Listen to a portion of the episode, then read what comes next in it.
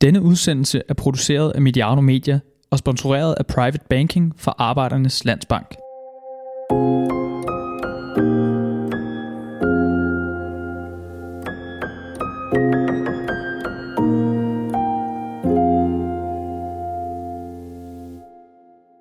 FC København har fået FC Midtjylland på hjernen, og de er bange for os. De bruger halvdelen af deres pressemøder i Europa League på at tale om os, og når vi spiller i parken, flytter de banderne så tæt på banen, så vi ikke kan kaste lange indkast. Velkommen til Hammer og Brygman. Velkommen til syvende udgave af vores program til mandagsdirektøren, den let bedrevidende højpandede storebror til den i forvejen ret kloge mandagstræner. Forhåbentlig også et perspektiverende program. Vi er her i det her lokale. Øh, Dan Hammer, direktør i Royal Arena, tidligere kommerciel og administrerende direktør i Parken og FCK direktør i håndboldspiller, øh, øh, eller i, i divisionsforeningen i, øh, i håndbold, og tidligere kommunikationsmand hos Coca-Cola, SAS og IBM, og nu altså øverste chef her i Royal Arena. Og så undertegnet Peter Brygman, chefredaktør her på Mediano, og øh, stærkt forhenværende mediemand. Vi tillader os helt uden beskedenhed at kloge os på feltet mellem strategi, ledelse, økonomi og kommunikation i primært dansk fodbold. Dan, velkommen til 2019. Tusind tak. Er du kommet godt i gang med året? Du har haft håndbold-VM, og du skal have en masse spændende, øh, der kommer her. Har du kommet godt i gang med det? Ja, på arrangementssiden, der er vi kommet rigtig godt i gang, og en af de ting, jeg virkelig ser frem til, det er jo, at øh, verdensmestrene i håndbold, de spiller deres første betydende kamp efter VM øh, herude til april. Og så det næste, det er noget med nogle heste, ikke? Jo, Arena nu med heste. Appassionata, tror jeg det hedder. Det er noget, som min datter og min kone har belært mig om. Øh, Sean Mendes, øh, Post Malone, Michelle Obama, Elton John, Backstreet Boys har jeg noteret mig. Så ikke mindst The Eagles, hvor jeg selv har billet, kommer på besøg.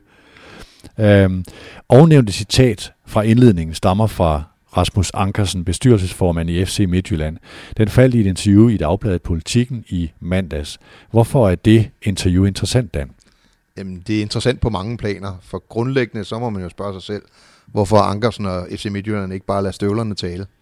Øh, er der en dybere mening med det her sådan, tiltagende management battle øh, mellem FC øh, Midtjylland og FC København, eller er det bare et udtryk for, at øh, Ankersens og Solbakkens natur er sådan, og at de har stærke viljer, og at de har nærmest fri adgang til medierne? Det er et rigtig åbent spørgsmål. Men også interessant i forhold til som noget, man, man, man, man ser på med respekt. Der ligger en respekt i, at vi overhovedet tager det alvorligt, i stedet tale om det her.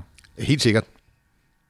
Uh, hvad læser du ind i det, hvis man lige skal prøve at se, uh, bare lige en første tolkning, er det her en bejler, der byder den, uh, den regerende regent op til dans, eller er det en opkomling, der strækker sig lidt for meget?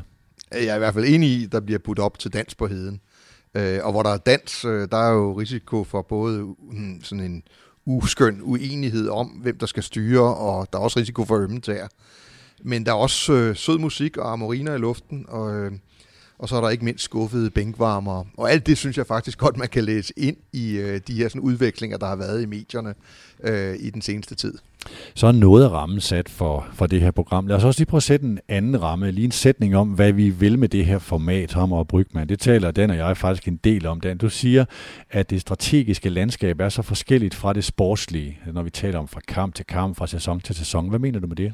Jeg ved ikke, om det er så forskelligt, men, men det er langt mindre foranderligt end, øh, end det, der sker i en enkelt spilsituation, i en kamp, i en, i en, øh, i en øh, turnering, i en sæson. Altså, øh, og det jeg øh, sådan gerne vil, det er, at jeg stille og roligt gerne vil bidrage til en afdækning af det her strategiske landskab, øh, som fodboldklubber eksisterer i. Øh, jeg vil gerne med jævne mellemrum tage lytterne en tur med op i helikopteren, og derop der vil vi først og sidst konstatere, at det store billede kun ændrer sig marginalt fra helikoptertur til helikoptertur, eller fra Hammer og Brygman podcast til Hammer og Brygman øh, podcast. Og det er også derfor, vi ikke laver så mange podcast. Øh, og det er også derfor, at lytterne vil opleve, at jeg gentager mig selv. For øh, gentagelserne er i sig selv en pointe. På den store klinge er fodbold ikke nær så foranderligt og kompliceret, som det er på den lille klinge. Kan vi selv blive lidt ofre for det? Altså, vi sad på et tidspunkt i 2018 og talte om Brøndby, og hvor de var, hvor de var på vej hen øh, i hele den der mesterskabskamp, der var, og strategi og sådan noget. Øh, bliver vi selv, hvis vi skal være sådan lidt selvkritiske, også nogle gange ofre for øjebliksbilleder? Jamen, altså, vi er alle sammen ofre for, eller en del af øjebliksbilledet forholder os til det. Men, men det er jo netop det, der er hele pointen, at, øh, at Brøndby, det kan meget vel være rigtigt, det vi sagde om Brøndby for et år eller to siden. Øh, vi ved det ikke endnu. Øh, og det er sådan set hele pointen mm. med, med det, jeg gerne vil her. Øh, det betyder jo ikke, at vi ikke skal zoome ind på de små ting. Øh, for det hører med til god, en god strategisk diskussion, at man kan og tør være ekstremt detaljeret, eller behandle et øjebliksbillede i det store billede. Men det betyder altså, at der ofte vil komme gentagelser, og at disse har en pointe, der faktisk ikke er at irritere lytteren, øh, men derimod at demonstrere, at der er visse ting i fodbold, der er knap så tumultariske, mm. som et strafbaksfelt i, i Horsens i overtiden, øh, hvor hjemholdet de får et indkast. Jamen har vi også givet lytteren noget fornemmelse af, hvad det her skal handle om. Det her er ikke en udsendelse om den enkelte klub. Det er en udsendelse om toppen af dansk fodbold og de aktører, der er i det, og de forskydninger og mulige forskydninger, der kan komme. Jeg vil springe til lidt af konklusionen i den her snak om, øh, om FC Midtjylland og FC København, og nu tager vi i første omgang bare den her som lille altså appetitvækker øh, for det, der kommer. Men når du taler om et management battle, måske endda et strategisk battle, hvad er det så, du mener? Ja, først så skal vi jo lige huske på, at fodbold det er en del af underholdningsbranchen. Øh, og så er det OK med lidt saftige titler. Øh, det er jo grundlæggende kærligt ment. Men det er jo først og fremmest for ligesom at signalere, at det er det, der foregår uden for øh, fodboldbanen. Øh, altså det felt, hvor ledelserne øh, agerer på. Men hvad er det opsigtsvækkende her, altså i forhold til, øh, til det, som Ankersen kommer med? Øh, Øh, og det her leder jeg lidt efter i forhold til at drive strategi og øh, drive den her udvikling, og hvad, hvoraf kan forskydningerne komme i dag? Altså i dansk fodbold, nu FC Midtjylland er 20 år gammel, og der ligger i sig selv en forskydning, at de er kommet her til, hvor de er. Ja, det er et rigtig godt spørgsmål. Altså, jeg synes jo, det, det er bemærkelsesværdigt, at det jo ikke handler om boldbesiddelser eller talentudvikling eller manglende landsholdsudtalelse af egne spillere, eller hvad det nu er, vi normalt ser sådan klubledere diskutere øh, i medierne. Øh, det, er jo, det er jo noget, der stikker dybere, det er jo noget, der handler om, øh, hvem er vi, øh, og hvor er vi placeret i et, øh, i et, et magthierarki i en eller anden forstand. Øh, og det synes jeg er rigtig, rigtig spændende. Det, det, det, vi skal vel sådan nærmest tilbage til noget Bjergård-Østergård, øh, før at øh, fronter var øh, trukket så skarpt op øh, på, på, på et øh, ledelsesplan i dansk fodbold. Det er jo i hvert fald en interessant betragtning, også i forhold til at kigge på de forskydninger, der er sket i, ikke sådan isflagerne, men, men altså i, uh, i, de, uh, i de positioner, der er i dansk fodbold. Og, og når vi taler om det i den her kontekst, så taler vi om i professionel fodbolds historie, det vil sige fra kontraktfodboldens skabelse fra, hvad skal man sige, fra 80'erne og frem efter. Ja, det er noget i den stil. Øhm, vi skal i den her udsendelse tale om det her styrkeforhold, ikke i foråret 2018 i forhold til, hvem bliver mester, men i den tidshorisont, vi kan kigge ind i, når vi forlænger verden med brædder, og den, den disciplin er normalt ikke særlig god, det at forlænge verden med brædder i en eksponentiel verden. Øh, den gamle verden er lineær, og mange er døde af at tænke lineært. Men lad os lige prøve at bruge den viden, vi har, ved at lave lidt prognoser ud fra det, som vi kender til lige nu. Det er ligesom en af præmisserne for det her. Udsendelsen her er sponsoreret af Private Banking fra Arbejdernes Landsbank. En gang eller to undervejs ved udsendelsen bliver afbrudt.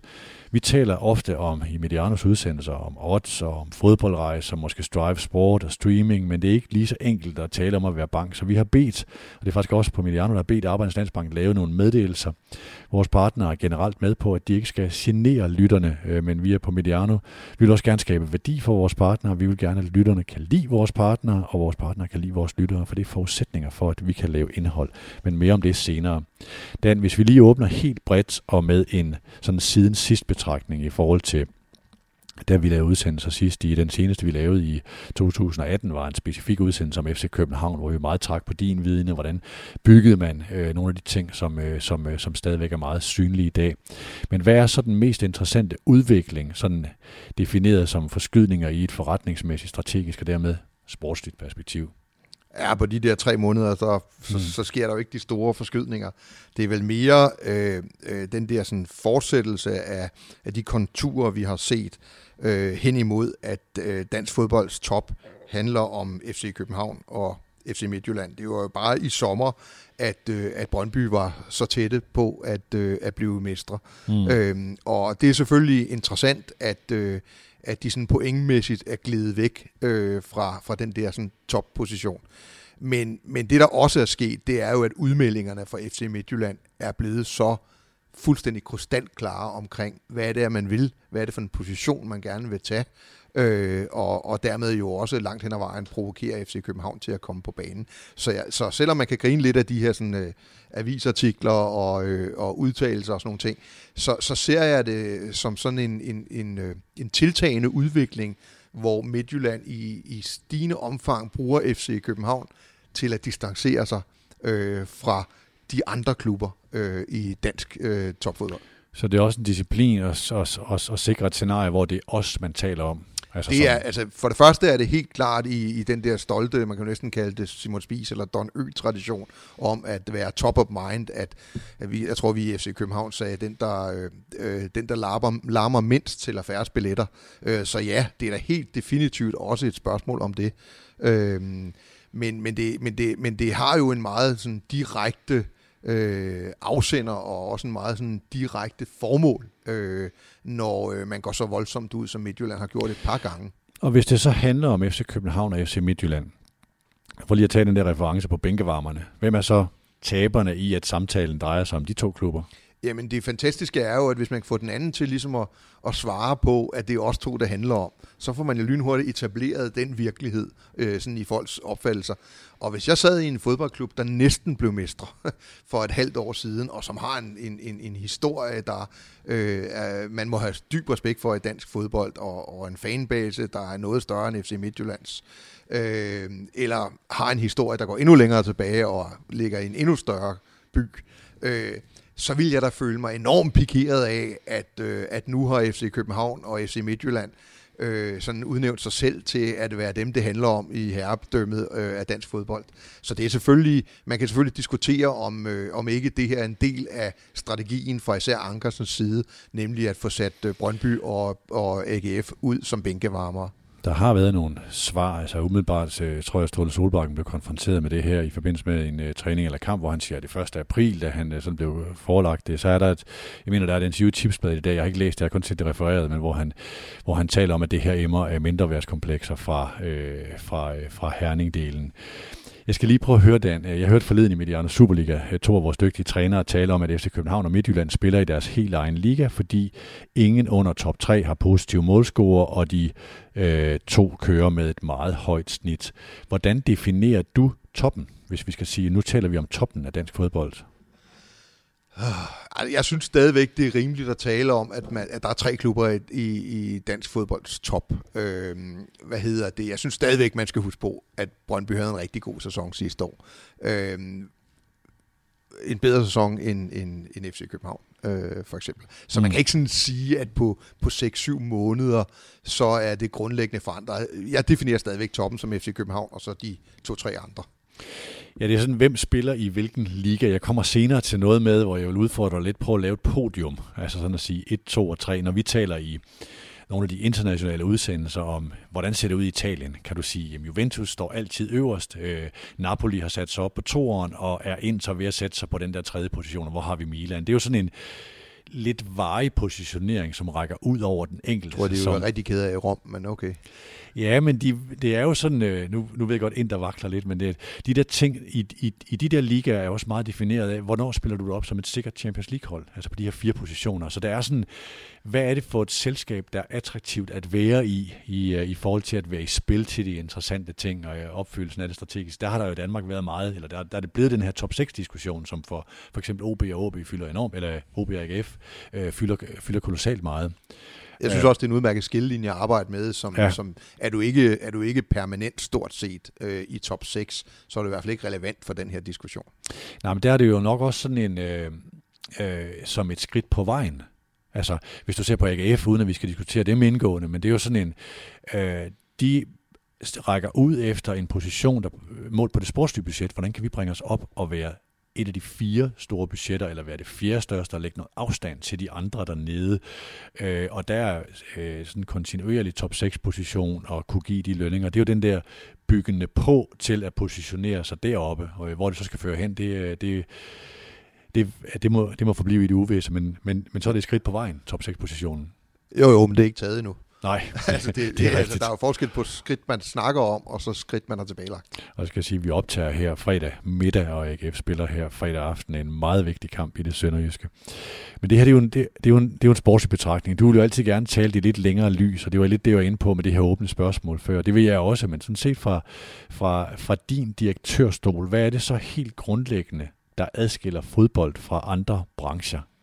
Ja, altså det har jeg tænkt over i 25 år. Hmm. Øhm, og og det, altså, jeg diskuterer det jo også løbende med erhvervsfolk, der har en interesse for øh, fodbold, og jeg diskuterer det også med erhvervsfolk, der har kolossalt stor succes øh, uden for fodboldbranchen, men når de så har stukket tåen ind i fodboldbranchen, så har de sjældent haft den samme succes.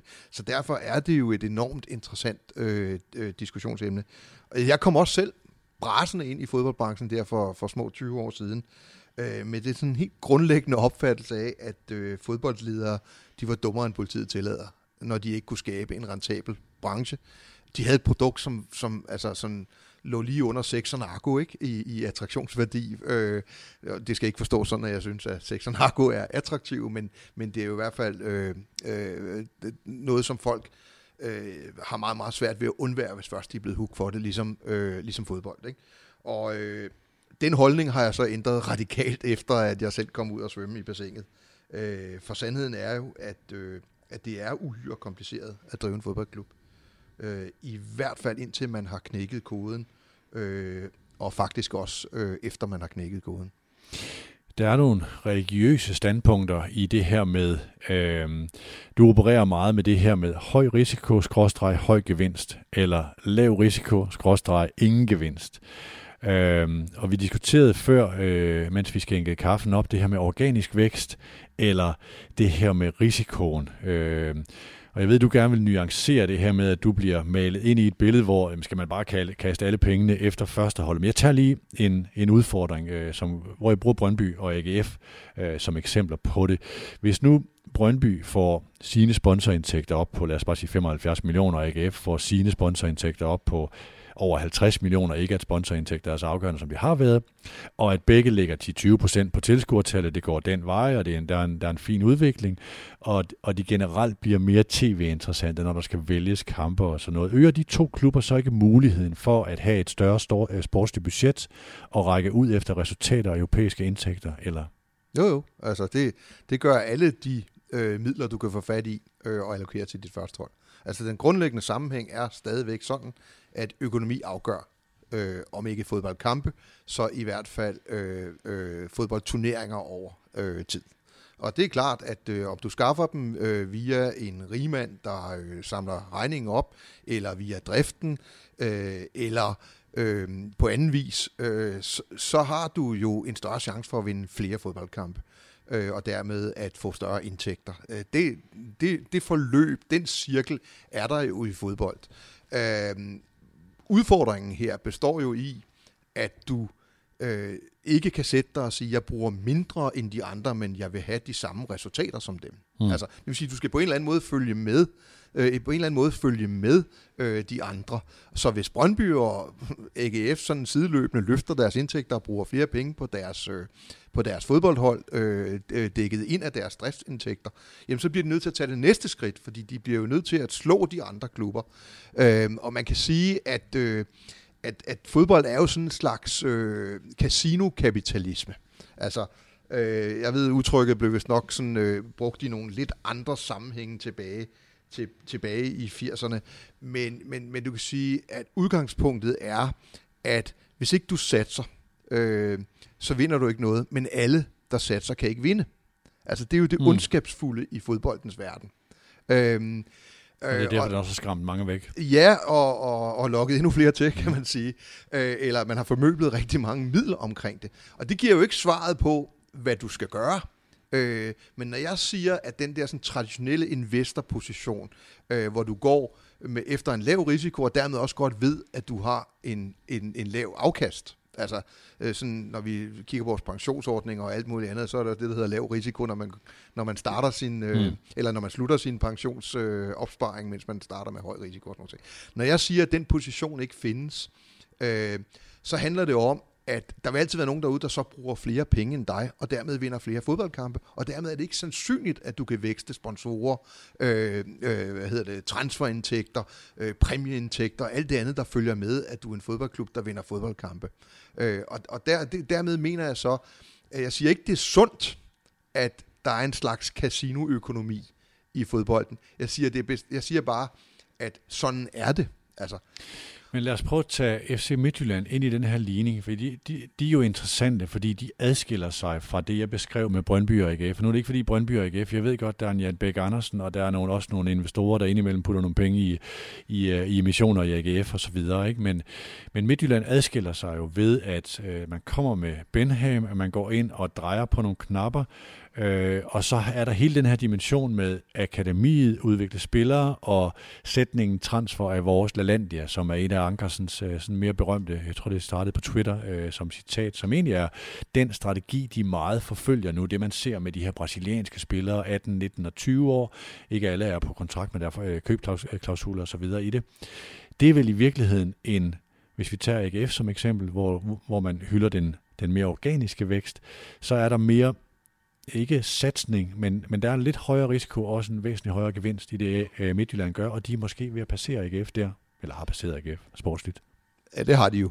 Øh, hvad hedder det? Ellers har AGF passeret FC Midtjylland den anden vej, det skal jeg ikke kunne sige. Øh, altså, det der er min grundlæggende pointe omkring det her, så kan du selv sætte det ind i det AGF-Midtjylland-perspektiv. Øh, øh, det er jo, at du er nødt til at respektere, at fodboldverdenen hænger sammen, som den gør, med den her sådan, afhængighed af økonomi øh, og den har en sportslig konsekvens. Øh, så kan du så konstatere, at, at lad mig sige sådan, hvis du, hvis du ligesom ved, at du skal matche de andres økonomiske satsning på fodboldspillere, for at kunne komme ind i den gode cirkel, mm. øh, så kan du enten vælge at sige, det tror jeg ikke på. Altså, det er jo sådan en slags fornægtelse af de faktiske forhold i jernindustrien. Altså, det tror jeg ikke på. Det er ikke, der er ikke en sammenhæng mellem økonomi og sportslige resultater. Øh, eller også så kan du sige, jeg tror på, at den måde, jeg kan skaffe midlerne til at tage konkurrencen op, øh, øh, det er på den her måde her. Og det er det, jeg godt kan lide øh, ved FC Midtjyllands tiltag her. De prøver at give et svar på, hvorfor de against all odds, for som Ankersen også siger, så kan vi jo ikke få flere sponsorindtægter eller flere tilskuere end FC København og Brøndby. Altså, det er relativt øh, vanskeligt, når man øh, har et stadion til 10.000 mennesker ude på heden. Så derfor har de så et andet svar på, øh, hvordan de kan øh, tilvejebringe midler, der skal gøre, at de skal have en, en færre chance for at kunne konkurrere på lige fod med FC København om herredøde i dansk fodbold.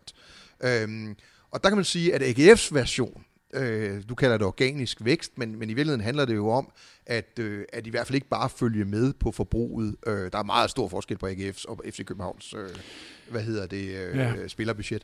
Øh, så, så handler det jo om, at man sådan øh, ikke tror, at de andre også kan gøre det samme, altså skabe organisk vækst og, og, og, og, og øge mm. deres indtægter. Øh, det handler jo i virkeligheden om, hvor meget af de indtægter tør de så satse på fodboldholdet. Må jeg ikke lige prøve at smide OB, altså fra Aalborg, ind i en ligning her mod Midtjylland?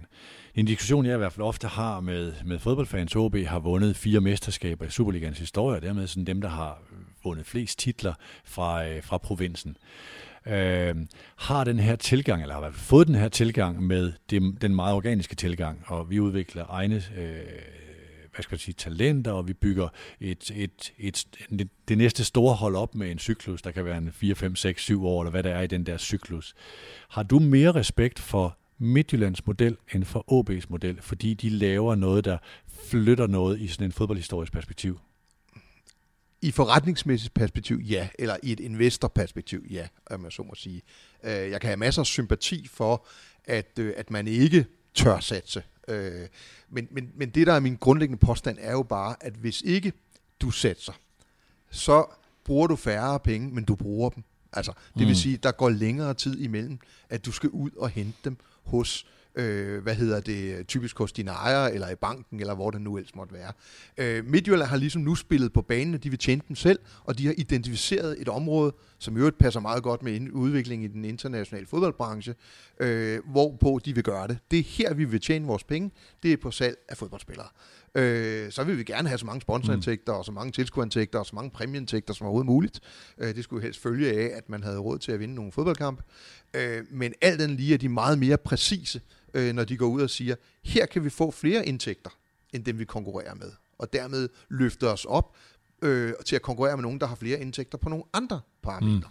Mm. Øh, og det kan jeg godt lide ved Midtjyllands strategi.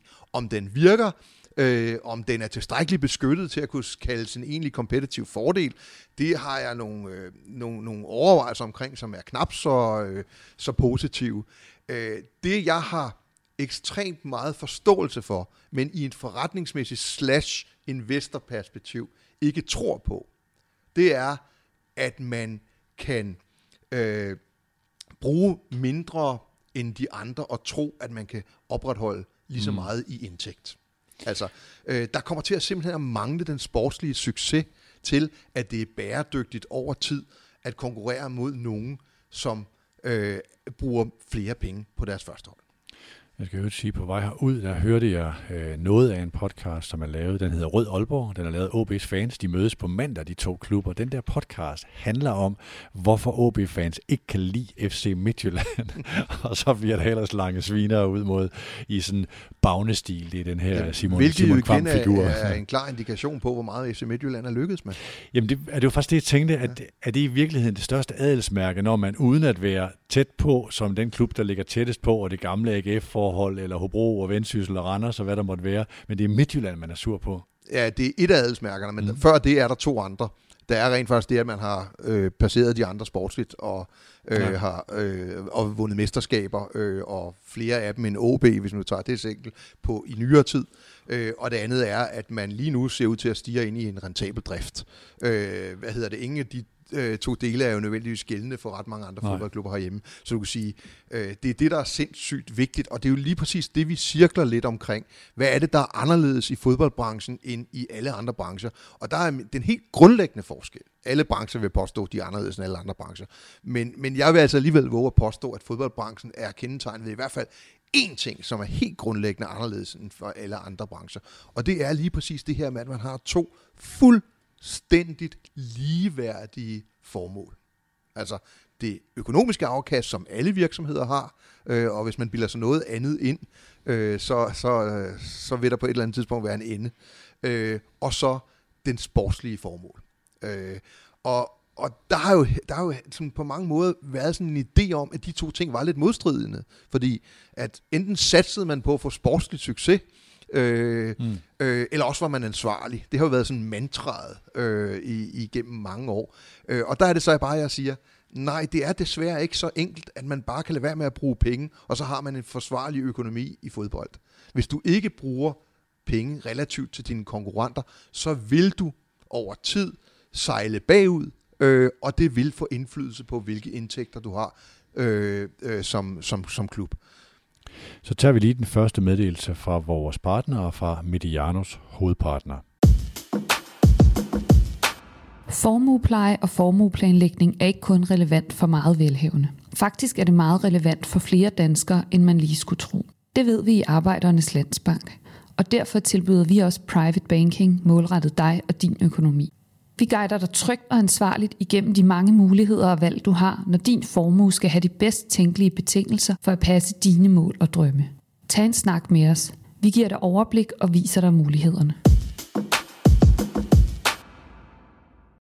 Den og jeg taler en del om rammesætning, når vi skal forberede de her udsendelser. Det lyder måske ikke sådan, men vi taler faktisk om ordet ydmyghed. Vi er ikke kloge på taktiske analyser af Sonikers presfælder, eller hvorfor Robert Skov han sparker godt til en bold. Vi vil allerhelst sætte perspektiv på og bringe os selv og forhåbentlig lytterne hen til en måske ny forståelse. Lad os tage et eksempel. Øh, Rasmus Ankersen taler om en strategiproces, der peger frem mod 2029. Han taler om, hvorvidt FC Midtjylland vil være et verdenskendt brand om 20 år. Klubben er 20 år gammel, så det er interessant øh, for os. Det er måske mere interessant, end om Kenneth Andersen og hans modige ridder øh, vinder Superligaen til maj. Dan, hvis vi så ser på toppen af dansk fodbold igen i det her perspektiv, der, der rækker lidt længere frem. Hvad er så lige nu new normal? Hvor er vi lige nu? Jeg synes ikke, der er en new normal. Altså, der er FC København og de andre. Øhm, hvad hedder det? Det betyder jo ikke, at øh, Midtjylland ikke kan blive mestre øh, om tre måneder. og, og dermed selvfølgelig også begynde at bygge en argumentation op, at man, øh, man, man, man spiller lige op med FC København, og man har ovenkøbet så vundet flere mesterskaber de sidste fem år end FC København. Det kan jo også gå den anden vej, øh, og så er det stadigvæk FC København, der har lidt flere mesterskaber. Men der er et par ting, man lige skal huske. Det ene er, at FC Københavns omsætning er jo væsentligt større end FC Midtjyllands. Altså, øh, FC København er faktisk kun syv år ældre end FC Midtjylland. Det glemmer vi også lidt. Mm. Øh, og der er kolossalt langt endnu til, at FC Midtjylland kan udvise sportslige og økonomiske resultater, som man har udvist i FC København de sidste 15-20 år. Altså, så, så, altså, så selvom det er dygtigt gjort, og både på banen, at gøre sig sådan relevant titelkandidat, øh, lige så ofte som FC København i de sidste håndfulde år, og rigtig, rigtig dygtigt mediemæssigt at få sat en agenda, som de får gjort øh, i øjeblikket, og hvor de ligesom hele tiden tvinger FC København til at, øh, at tale det hele ned. Altså, øh, hvad var det svaret på, på artiklen her for Ståle var? Er det 1. Men, april, tror jeg, han sagde, ikke? Ja. Øhm, og, og så skal man bare huske, at det underliggende, altså den grundlæggende forretning, der er lysår til forskel stadigvæk på FC Midtjylland og FC København. Og øh, de indtægter, som fodbolden genererer, er meget, meget større i FC København, end de er i FC Midtjylland. De er ved at få fat nu med transfer, men der er FC København jo altså også meget godt med, mm. øh, alt andet lige. Øh, og, øh, øh, men det, der er jo den helt store forskel, det er jo, at FC København henter penge ud i Europa. Ikke på transfermarkedet, men i form af indtægter fra øh, UEFA's turneringer. Lad mig lige prøve, inden vi går, øh, fordi jeg vil, jeg vil godt hen på, hvorvidt det her er øh, hvad skal man sige, profitabelt at tale på den her måde. Der er jo mange, der latterliggør det i forhold til, at man, øh, man taler på den her måde, og vi skal være et verdenskendt brand, og det er let at pege fingre af dem. Det vil jeg godt tilbage til. Men lad mig lige prøve først at anskueliggøre det her med at være FCK og alle de andre. Der er sådan en helt håndgribelig opgørelse, som Ekstrabladet lavede her i den forløbende øh, uges tid, om hvem er de 30 bedst betalte spillere i Superligaen. Øh, den går jo så fra Andreas Bjelland, der kom transferfrit, og øh, hvordan gør man så lønninger op, men den er anslået her i Ekstrabladet til 9 millioner kroner. Victor Fischer på 5,1 millioner kroner, øh, øh, da man, og, og man købte ham i Mainz. Så ligger der ellers øh, de ni øverste spillere på den her liste, det er FCK-spillere. 13 af de 14 øverste er FCK-spillere, og FCK har 19 af de 23 øverste. Det er næsten en hel trup, som er de bedst betalte i Superligaen. Næsten, øh, næsten pladen fuld. Man er nede på den første ikke-FCK-spiller, der kommer det Kamil Vilcek på en 10. plads til 3,7 millioner. Øh, så kommer der Dominik Kaiser, Brøndby-spiller, så kommer der Erik Svirchenko og senere Alexander Scholz øh, til 3 millioner kroner, som de her lønniveauer.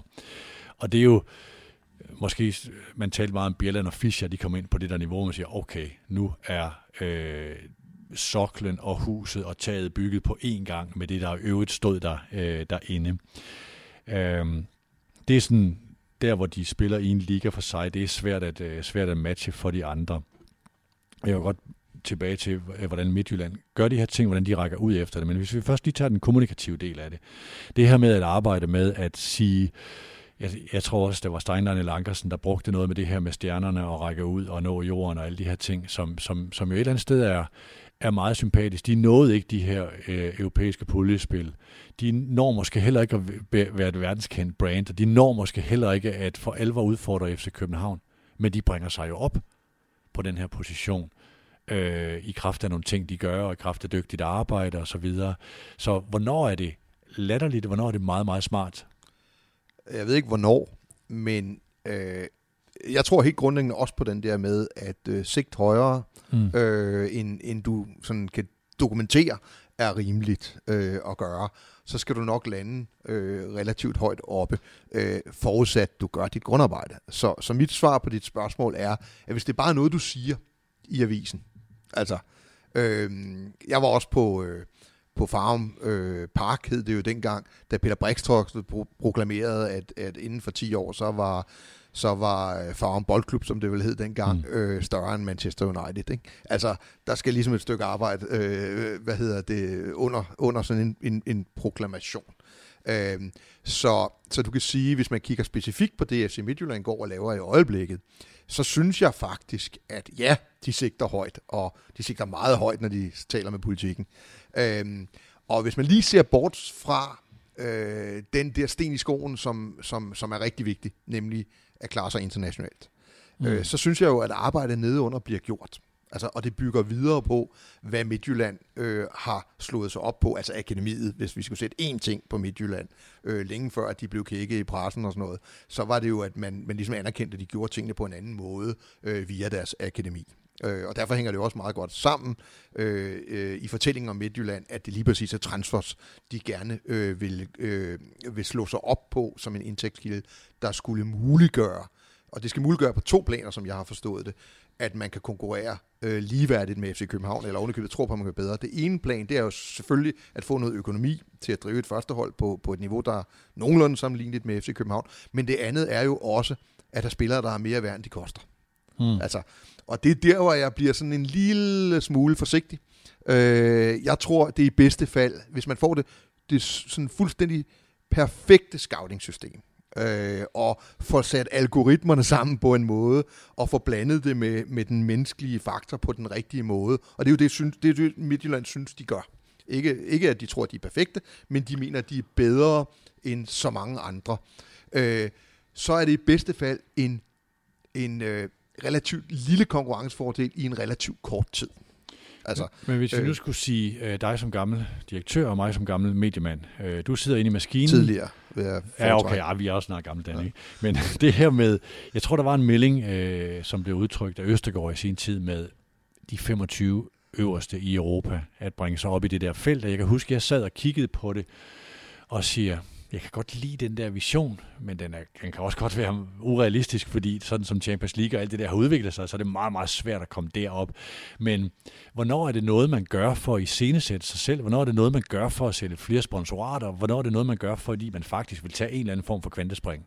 Øh, det kan man jo ikke svare på. Øh, det er jo forskelligt fra gang til gang. Hmm. Øhm, altså, jeg mener jo definitivt, at øh, vi i FC København øh, øh, satte, satte handling på ordene. Øh, mm. Altså, vi løftede de økonomiske niveauer for, hvad danske fodboldklubber øh, de kunne øh, præstere.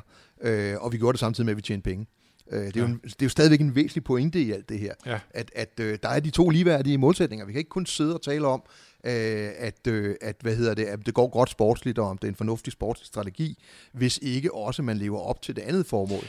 Men så der er jo en parallel i det i forhold til altså Ankersen og ja, Midtjylland. Ja, ja. Øh, jo, jeg ser rigtig mange paralleller i det. Ja. Jeg, jeg, jeg ser jo også i det interview en enormt øh, eksplicit udtrykt respekt for Flemming Østergaard, er det vel strengt taget, ja, ja. og hele den opbygning, der skete i FC København strategisk set, øh, det, det adresserer øh, Ankersen jo. Det gør han i øvrigt af to årsager. Det ene er, fordi jeg tror, han mener det, men det andet er også, fordi han ved, at hvis der er en ting, der irriterer FC København mere end FC Midtjylland, så er det FC Københavns tidligere ledelse. Altså, så derfor er det jo, altså, det er jo, det er jo sådan et element i hele strategien med hele tiden at, at være relevant, fordi FC København også omtaler os. Øh, at, at så omtale nogle af de ting, som de ved virkelig vil pisse med ind på Østerbro. Ikke? Jo, fordi der er jo nogen, hvis jeg husker tilbage, jeg, jeg, jeg tror også, du er så ubeskeden, du ikke nævner dig selv, men altså, du, var, du var med i noget af det her, som, altså, som øh, FC Midtjylland spejler sig i, og i høj grad med til at skabe det. Der var jo en, øh, Aldo Petersen sagde på et tidspunkt det her med, at han betragtede Rasmus Ankersen som Superligans Steve Jobs, øh, som den, der var altså disrupted, eller for nu at tage det der slidte udtryk, men øh, man gjorde nogle ting. Og det blev, altså jeg ved, Rasmus blev, blev glad for det, og jeg kom på et tidspunkt til at skrive det her, er han, er han, øh, er han Superligaen Steve Jobs, eller er han Casey Jesper uden hestehale, eller, eller Casey Jesper med hestehale, ikke?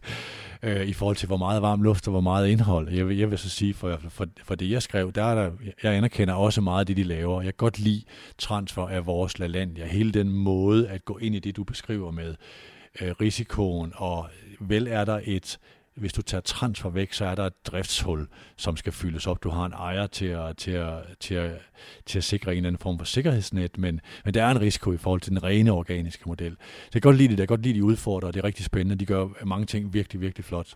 Jeg kan også godt lide det. Jeg kan lide det, fordi at de ikke fornægter, at fodbold er en højrisikobranche. Mm. De adresserer det. Altså, øh, og så kan jeg lide det, fordi det adresserer det konkret. De siger, det er sådan her, vi skal arbejde med den udfordring, der ligger øh, i fodboldbranchen. Prøv lige at tage et, øh, vi er så gamle, så, så vi godt kan tage et historisk perspektiv. Hvornår blev der for alvor lavet strategisk tænkning, der flyttede dansk fodbold? Det blev der i 80'erne ved Brøndby. øh, da de gik til heltidsprofessionalisme, og i øvrigt forstod, at, at fodbold det i den grad også spilles i aviserne, var det jo dengang. Altså, mm. jeg kaldte det både pres og pressespil. Øh, og det forstod de virkelig, og de blev jo øh, øh, hvad hedder det, de blev jo øh, et øh, lynhurtigt fikspunkt for dansk klubfodbold. Øh, altså, det, det er svært for folk, der er meget yngre end os to, øh, at, at forstå, øh, hvor pludselig Brøndbys opdukken som tophold i dansk fodbold rent faktisk var. Altså, øh, og hvor suveræne de blev så mm. hurtigt. Altså, øh, så, så definitivt i 80'erne, øh, og øh, er Brøndby. Øh, øh, definitivt i nullerne af FC København, ud fra det, vi har snakket om, måske startede lige sen 90'erne, men, men, men reelt set i nullerne. Øh, også ved hele den her forretningsstrategiske udvikling, øh, og den internationale øh, gennembrud, øh, sådan af mere kontinuerlig karakter. Mm. Øh, og så øh, øh, synes jeg, vi ser konturerne af noget af det samme fra Midtjylland i øjeblikket. Jeg er en lille smule i tvivl om, om FC Nordsjællands øh, strategi øh, ligger i, i samme niveau. Øh, fordi at modellen FC Nordsjælland har valgt er jo ikke sådan særlig unik, men de har bare gjort det ekstremt effektivt. Mm. Øh, og så det, det, jeg vil sige, måske ikke helt derhen, hvor det er et paradigmeskifte for dansk fodbold, men, men, men tæt på, og i hvert fald klar til hederen omtale. Nu sagde du, at øh, det europæiske var en sten i skoen med Midtjylland. Det, der kendetegner den udvikling, som Brøndby lavede i, øh, i 80'erne, var jo stor europæisk succes, som skabte en national interesse, som skabte nogle indtægter. De var ikke så store dengang i forhold til pengene fra, øh, fra UEFA osv. Øh, øh, det samme gælder jo FC Københavns øh, i nullerne og i, i, øh, i nutiden for så vidt i forhold til puljespil, øh, hvor Midtjylland ikke er der endnu. Hvor stor en sten er det i skoen i forhold til at være nogen, der virkelig flytter udviklingen? Man kan sige det på en anden måde, man kan ikke spille fodbold med sten i skoen.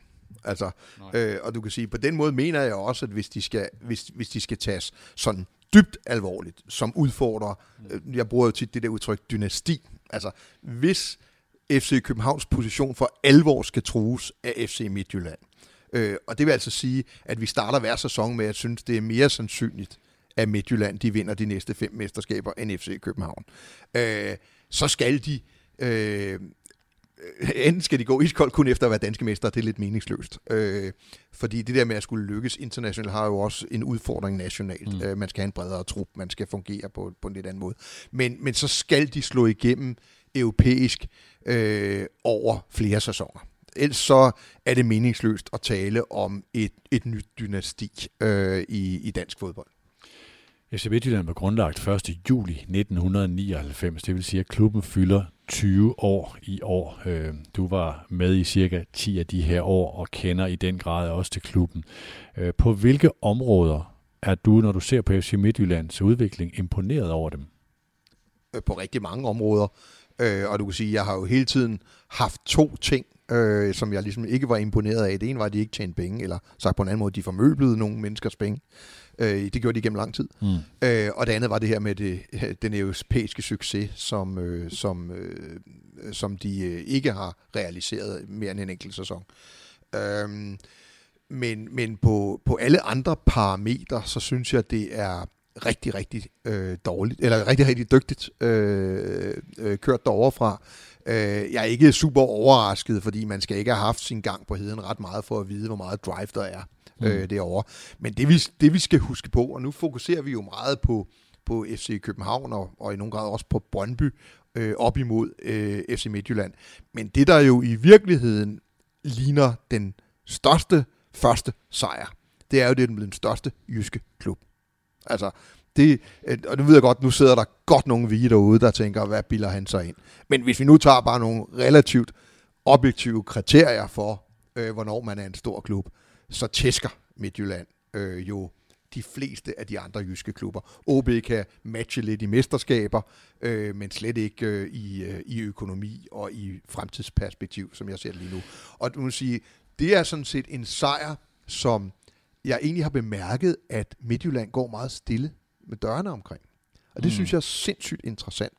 Øh, enten er det fordi, det at, at de simpelthen bare sigter globalt, havde han sagt, i hvert fald mm. nationalt, når de, når de, når de byder FC København og, og, og toppen af dansk fodbold op til dans. Men, men jeg tror egentlig også lidt, at der er sådan lidt godt gammeldags øh, jysk klogskab i at flyve lidt under radaren øh, sådan i lokalområdet, og så bare gøre lokalområdet større og større og større, øh, og ikke øh, som du siger, du kan jo se, det er jo Aalborgs fans, der reagerer mm. og andet, men det er jo forbavsende stille alligevel. Der var lidt opgør mod Viborg og sådan nogle ting, ja. men de har jo stille og roligt fået lov til at æde sig ind på sponsorer og Jeg skal lige prøve en tanke af på dig her. Og sådan nogle ting, ikke? Jeg, jeg var i, i Jylland, eller i det jyske, i, uh, i en del af den her uge, og bevægede mig en del rundt i forskellige klubber og miljøer, og så på et tidspunkt taler jeg med personer, vi taler om det her med, at Ankersen uh, på et tidspunkt var fremme med den her melding om en stor midtjysk fusion med øh, Anders Dam og Jyske Bank var med øh, i, i tankerne, og øh, øh hvad, hvad hedder det, Grundfos, og hvad hedder de, Lego med Jørgen V. Knudstorp, og øh, var ikke med i tankerne, men Ankersen øh, øh, omgikkes uh, øh, den her slags, den her kreds. Og Prime den her tanke med håndbold, ishockey, og, eller i hvert fald håndbold og fodbold, og måske ishockey, og så Herning, Viborg, Ikast, og hvor skulle man være og sådan noget. Nå, og jeg troede, jeg nævner så det her med, det der er en tanke, som er, øh, som var primet, og nu er den lagt død, men, men den kan måske komme igen. Så siger vedkommende, du skal da ikke være så sikker på, at den bare er primet. Måske er den aktuel. Øh, og det her var og det kommer så så i, i, i forhold til noget med, en uh, salgsproces med Silkeborg. Og jeg skal ikke ind og nære rygter om, at Silkeborg er ved at blive solgt til Midtjylland. Men kunne en sådan tanke nu være interessant? Nu er så det skal du passe rigtig ja, meget på. Ja, det er det ikke.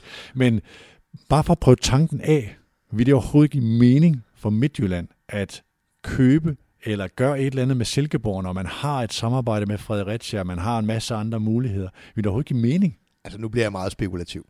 Øh, nej, eller jo, det vil give mening for Midtjylland at, at, at, at tale om det øh, på de indre linjer, for at udsætte det mest muligt.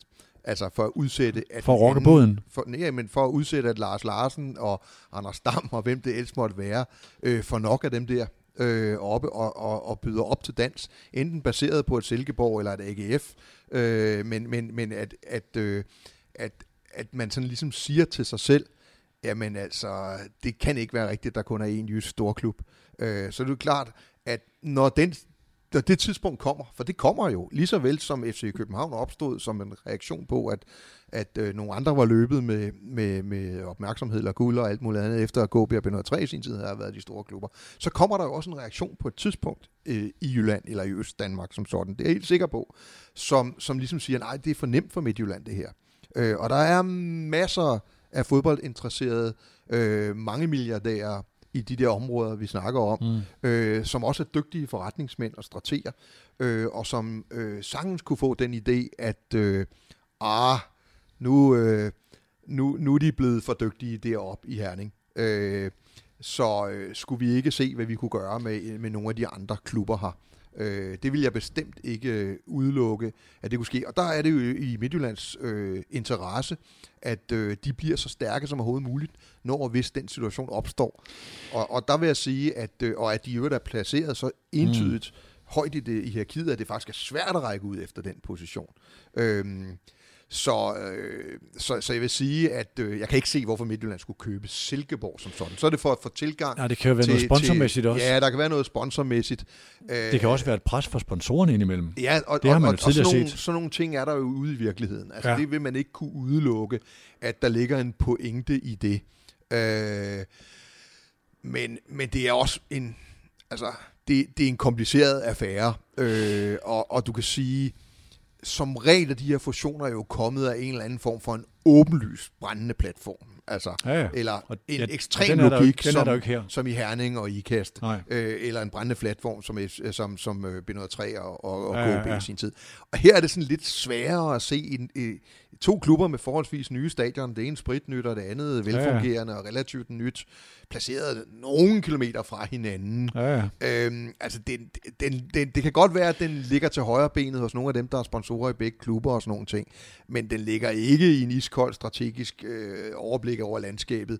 Øh, ikke, synes jeg, ikke så meget til et højre Okay. ben. Øh, Jeg undrer mig også lidt, altså, fordi der er jo, en- altså på sponsorsiden er der jo en vis historik. Jeg tror, øh, hvad skal man sige, håndboldklubben Bjergbro og Silkeborg og Vol, øh, der tror jeg, Grundfos, Jyske Bank og sådan nogle spillede en rolle i forhold til at presse dem Det sammen. definitivt. Og omvendt tror jeg, at det var sådan, jeg fornemmede det, at den her tanke fra Ankersen og Anders Dam med, øh, han fik mange klø, Anders Dam, i Silkeborg, for at gøre de her ting. Og der, der, der er også hele det der spørgsmål, kan man blive byens hold, hvis man er ejet af nogen fra en anden by, og hele den her dimension, jeg tror, det er voldsomt kompliceret det her, men det hele spillet er, synes jeg, synes jeg er voldsomt Altså, interessant at jagtage. Hvis jeg var Rasmus Ankersen, og alle de andre dygtige mennesker rundt omkring FC Midtjylland, så ville min, mit værste mareridt være, at Lars Larsen og Anders Dam sagde, det bliver jo aldrig i Silkeborg. Skulle vi rykke lidt længere ud mod Østkysten og kigge på AGF og hjælpe dem Hmm. for alvor. Altså, det er klart, at, at det ville være noget, der ville øh, skabe nogle nye udgangspunkter i dansk fodbold. Det er en, øh, det er en meget interessant jagttagelse, så det kan, mange ting kan læses ind i det. Dan, jeg ved, at øh, fastlyttere af det her format, de kender øh, en del til den her gule lap, øh, du havde under dit skriveunderlag på kontoret, da du sad i parken, hvor der stod, øh, som jeg lige husker det, Knus Brøndby på den ene side, og når man så vendte den om, så stod der, før de knuser os. Øh, ville du, hvis vi nu legede, at du sad på dit gamle kontor i parken, have en tilsvarende seddel om FC Midtjylland? Nej, øh, fordi den seddel blev til øh, ud fra en, en, øh, en sådan, øh, nærmest videnskabelig tilgangsvinkel til, hvad øh, strategi og konkurrence er. Øh, og, og det er min, min øh, hvad skal man sige, tese omkring konkurrence, det er, at, at hvis to enheder, der minder meget om hinanden, øh, lever i det samme miljø, så vil den ene dominere den anden Mm. på et tidspunkt. Det, det er sådan nogle biologiske forsøg, der er foretaget med encellede dyr øh, i, i, i, øh, i Rusland, øh, eller Sovjetunionen var det jo faktisk i, tilbage i 30'erne, der har vist, at sådan er det i biologi, biologiens verden. Altså, som er kerne i strategisk tænkning. Ja, og det handler ikke om, at der ikke er føde nok til dem begge mm. to, så selvom der er føde nok til dem begge to, så vil den ene på et tidspunkt få overtaget i forhold til den anden. Øh, og det var det, der var udgangspunktet, fordi det var så let at forstå af FC København og Brøndby. Og nu skal jeg også huske på, at en af de første opgaver havde i FC København var jo sponsorer. Og der var det jo et til et kamp, dør til dør kamp, mm. øh, sponsor for sponsor, at øh, vi var ude på, øh, på markedet der, øh, begge to. Og derfor var det meget mere konkret øh, i det. Plus, at vi jo var den lille. Mm. Øh, og det er jo, altså man er som regel sådan lidt, lidt mere krigerisk, når man øh, har en position at opnå, end hvis man har en position at forsvare. Øh, og hvor er lige nu har farlige? FC København ikke en position, hvor de behøver at tænke, og jeg ved godt, nu vinder Ankersen så nok lidt øh, i London, men, men, men rationelt betragtet, og jeg har brugt det her udtryk med, det FC København, der har serveretten i dansk fodbold. Mm. Altså, rationelt betragtet, så hvis FC København gør det gennemsnitligt godt, med det udgangspunkt, de har fået foræret øh, kvad den strategiske udvikling, der tidligere har været i øh, selskabet og i klubben, så øh, vil de kunne bevare deres dominans, uanset, hvad jeg våger påstå, øh, hvad FC Midtjylland kommer op med. Derfor kan der være god mening for Midtjylland alligevel, at, øh, om jeg så må sige, blive en rigtig god nummer to, øh, der, der er lidt oftere, end man ellers skulle tro, øh, vrister et mesterskab og måske endda Champions League-deltagelse øh, fra FC København. Hvis jeg lige skal prøve at gribe den der med øh, Lars Larsen og Anders Dam og så videre ind mod Aarhus, som sådan en, man skal kigge skal sig vi over. måske lige sige, at Anders Dam er direktør for Jyske Bank, hvis ikke Ja. øh, folk ved det. Altså steder, hvor man skal kigge sig over skulderen og være påpasselig og sige, her kan der væ- være noget farligt. Hvor vil mm, FC Midtjylland så være farlige for FC København, hvis man skulle kigge sig over skulderen? Jamen, de forsøgte jo mere eller mindre, tror jeg, som et kommunikationsgimmick, da de blev mestre forrige gang, at Åbne oprette sådan salgskontor i København. Nu er ikke? landstækkende. Ja, og den sådan og blev jo stille og roligt lukket ned. Øh, så, så, så vil sige, at øh, det er klart, at hvis tesen om, at de gør noget, de har de, har de, de har, de har de gyldne bukser på, havde han nær sagt, i forhold til Mm. transfer og, og talentudvikling. De kan bare noget, som FC København ikke for alvor kan kopiere. Øh, og det tror jeg ikke på, hvis jeg skal være helt ærlig. Øh, men at de der kunne skaffe sig så stor en økonomisk fordel øh, via transfers, at de kunne udligne, lad os sige Lalantia, eller hvad det ellers måtte mm. være, FC Københavns forretningsstrategi, så, så ville jeg være en lille smule bekymret. Men jeg mener stadigvæk, at alle svarene omkring Midtjylland i forhold til FC København ligger i FC København. Øh, øh, fordi at lige så øh, fornuftig øh, den strategi har været isoleret set for FC København, altså parken strategi, parken sport entertainment strategien, øh, lige så let kan den jo tages væk igen. Altså, øh, det, er jo, det, er jo, det er jo bare et stort bud på LaLandia, eller, et, eller noget i den stil, øh, der kan ændre på, på de her forudsætninger for, øh, hvordan man angriber fodboldklubbens muligheder. Øh, så, så, så det handler mere om, hvad der sker med FC København. Øh, ja. Og deres evne til, og det skal man altid huske på, at en ting er selvfølgelig, hvor mange penge har du til rådighed for de første hold. Det er stadigvæk vigtigt, hvordan du bruger dem. Øh, og det, det, øh, øh, altså det kan jo, der kan jo også godt ske det, at FC København på et eller andet tidspunkt løber ind i sådan en Newcastle-syndrom eller sådan noget, hvor, hvor, man, hvor man bare ikke får øh, en krone for 100 øre øh, ude på banen. Øh, og, og det åbner selvfølgelig også nogle muligheder. Men rent strategisk, øh, hvis man i øvrigt bare er gennemsnitligt dygtig, så vil man kunne bevare sin position, så længe der ikke rokkes øh, fundamentalt på den måde, FC København hænger mm. sammen på og fungerer på. Nu taler vi mest om Midtjylland i den her udsendelse, men lad os lige prøve at tale om, tale om FC København, og hvor det kunne være, hvor man kunne løbe ind i de her ting. Du siger jo sådan set, at øh, hvis man bare øh, holder sig nogenlunde ikke at køre lige ud, men, men, men udvikler sig fornuftigt fra det udgangspunkt, man har, så kan Midtjylland ikke tage den her position. Det er også det her med, når Midtjylland kan lave mange transferindtægter på deres akademi, så er det også fordi, de bringer spillerne ind på førsteholdet, og det gør FC København ikke i samme grad, for der er de der ni spillere fra den liste, jeg nævnte før, som er de højstlønnede, som er folk som Bjelland, Fischer og kompagni. Ikke? Øh, så der er også noget i, øh, der vil være den der sportslige øh, øh, øh forskel der, men det er alligevel hen, det er i forhold til øh, vi talte i den sidste udsendelse om FC København, og det skal vi ikke dybt ind på her, men bare lige for at repetere det, det her med, at villigheden til at investere i fodboldforretningen, og Erik Skærbæk og øh, Karl Peter øh, Korsgaard Sørensens øh, vilje til det, og afhængigheden af Ståle Solbakken, og det, at puljespillene kontinuerligt over tid vil det altid kunne regne sig hjem med de ting, vi gør. At det i virkeligheden der flanken kan være en den dag Ståle Solbakken ikke er der mere, så er villigheden ikke til i samme grad at investere i fodboldholdet. Ja, med risiko for at være en lille smule overfladet, så er det faktisk de to største faremomenter set for en FC København-fans øh, mm. synspunkt. Øh, og de to største, som du kalder det, øh, åbne flanker, der, de er jo ikke åbne nu, men, men de flanker, der kunne åbne sig, Øh, man kunne også sige det på en anden måde, hvis det skal være en lille smule mindre personfixeret, i hvert fald når det, når det gælder øh, ejerne, øh, at, øh, at hvis det lige pludselig giver enormt meget økonomisk mening for ejerne i FC København. Det er jo ikke kun de to herrer, det er jo også LD og mm. alle os andre, der har lidt øh, småskillinger øh, i glemme derinde, at splitte selskabet op. Altså, øh, så er det en anden øh, enhed, FC København læner sig op af, øh, end, end i den sammenhæng, der er nu ovenikøbet styrket af, at man mm. har fået øh, Fitness.dk ud af, af koncernen. Ikke? Så, så, så det, det behøver ikke at være, en, at man vakler fra de to herres side. Øh, det kan også godt være, at, øh, at det giver så god mening at splitte koncernen op i et rent økonomisk betragtning, at FC København kan blive nødlidende. Når det så er sagt, så har vi jo i hvert fald lige for nyligt set, at der er nogen udefra, øh, angiveligt i hvert fald, øh, der mente, at FC København, eller at Parken Sport og Entertainment, men med udgangspunkt i FC København, var noget mere værd, end øh, hvad markedskursen var på den pågældende dag. Lad mig lige stille et enkelt spørgsmål. Så, så derfor er der også god grund til at tro på, at øh, der kunne blive tilført kapital til FC København øh, i en anden kontekst end Parken Sport og Entertainment-konteksten. Men så ville man jo igen være en enstrenget klub øh, muligvis tostrenget med, med, med, med stadion. Ikke? Men, ja, hvis det men, var en, ja, mere en ren fodboldklub, ja. Ja, øh, og det, det forandrer selvfølgelig det helt grundlæggende billede. Man vil jo stadigvæk ligge i en stor klub, man vil stadigvæk have en, en, en stor fanbase og en stor sponsorbase, og man vil stadigvæk have i hvert fald en nyere historik, mm. som er mange penge værd.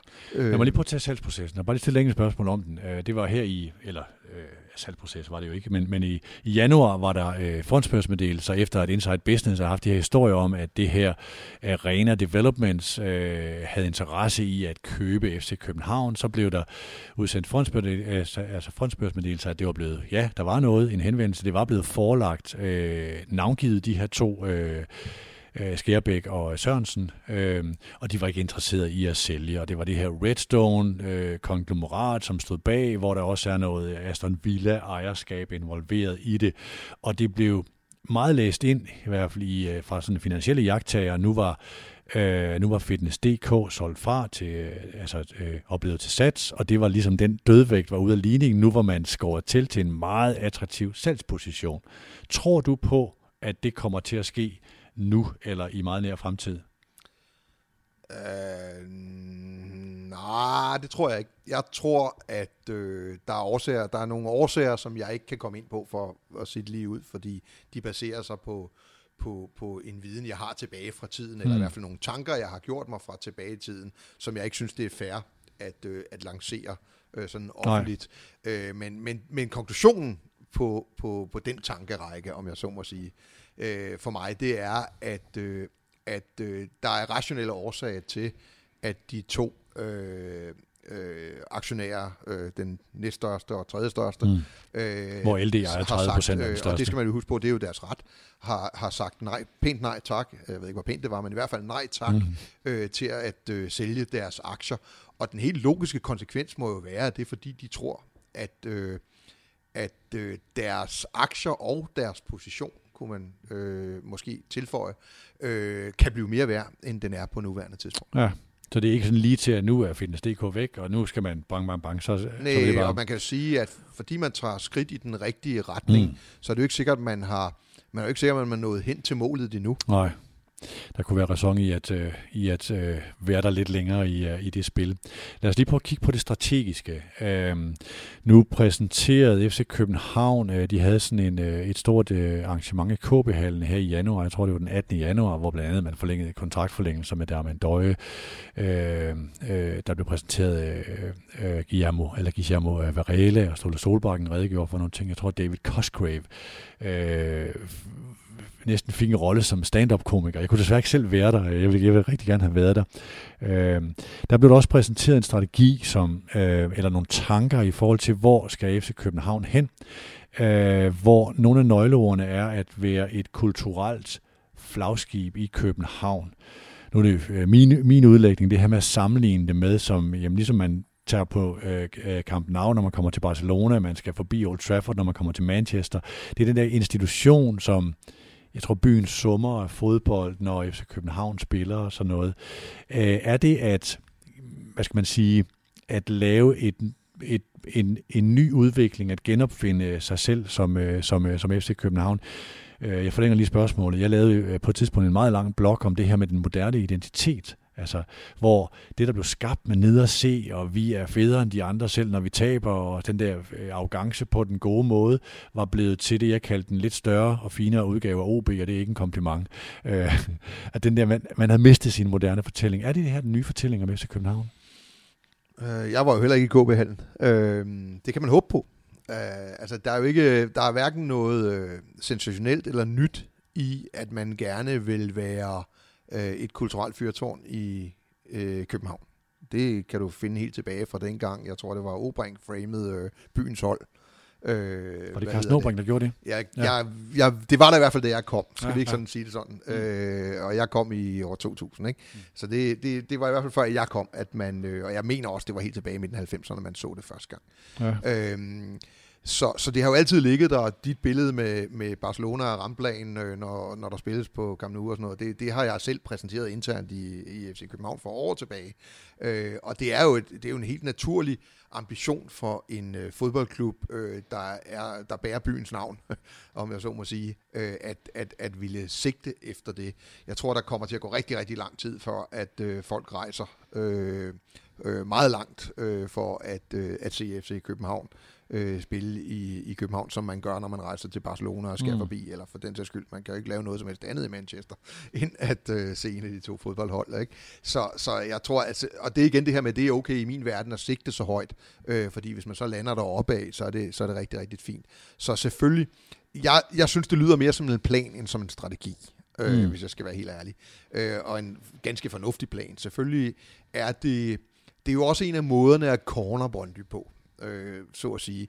Øh, fordi Brøndbys bagland er jo ikke Brøndby. Lad os nu øh, være helt ærlige. Øh, de er jo så meget, meget, meget større end Brøndby. Øh, og, og det griber jo langt ind i, i, i Københavns interessesfære øh, og opland. Øh, nu, det var også lidt frækt formuleret for Brøndby, var der jo faktisk før FC København, men så ind i det gamle KB 103's interessesfære. Øh, og Amager, hvor vi sidder nu, er et meget godt eksempel på en del ø, ikke? Hvor, hvor der også mm. er, er mange øh, fans af begge klubber.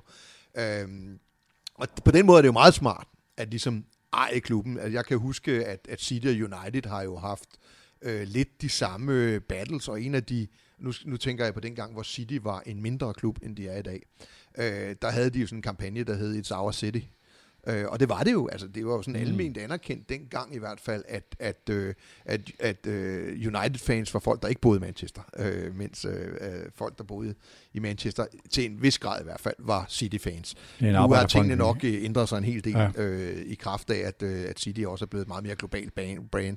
Mm. Øh, så, så ja, men, men, men der er lidt det samme omkring Brøndby og FC København. Øh, der er en kamp om byen, og, øh, og, og der har FC København nogle fordele, blandt andet fordi de, de lige nu har en helt anden økonomi, og, øh, eller ikke lige nu, men har en helt anden økonomi, og at, øh, og at de rent faktisk bærer klub, øh, byens navn og alle de her sådan ting. Øh, og det er da klogt nok at, at, øh, at udnytte den konkurrencefordel længst muligt. Jeg har så sent som her til morgen øh, lavet en aftale om, at jeg kan få lov at besøge FC København og tale om den her strategi. Øh, jeg håber, det bliver med øh, sportsdirektør øh, Johan Lange øh, og Katja Mosgaard, kommersiel direktør. Teknisk direktør, tror jeg, han er. Ja, ja, ja undskyld, teknisk direktør.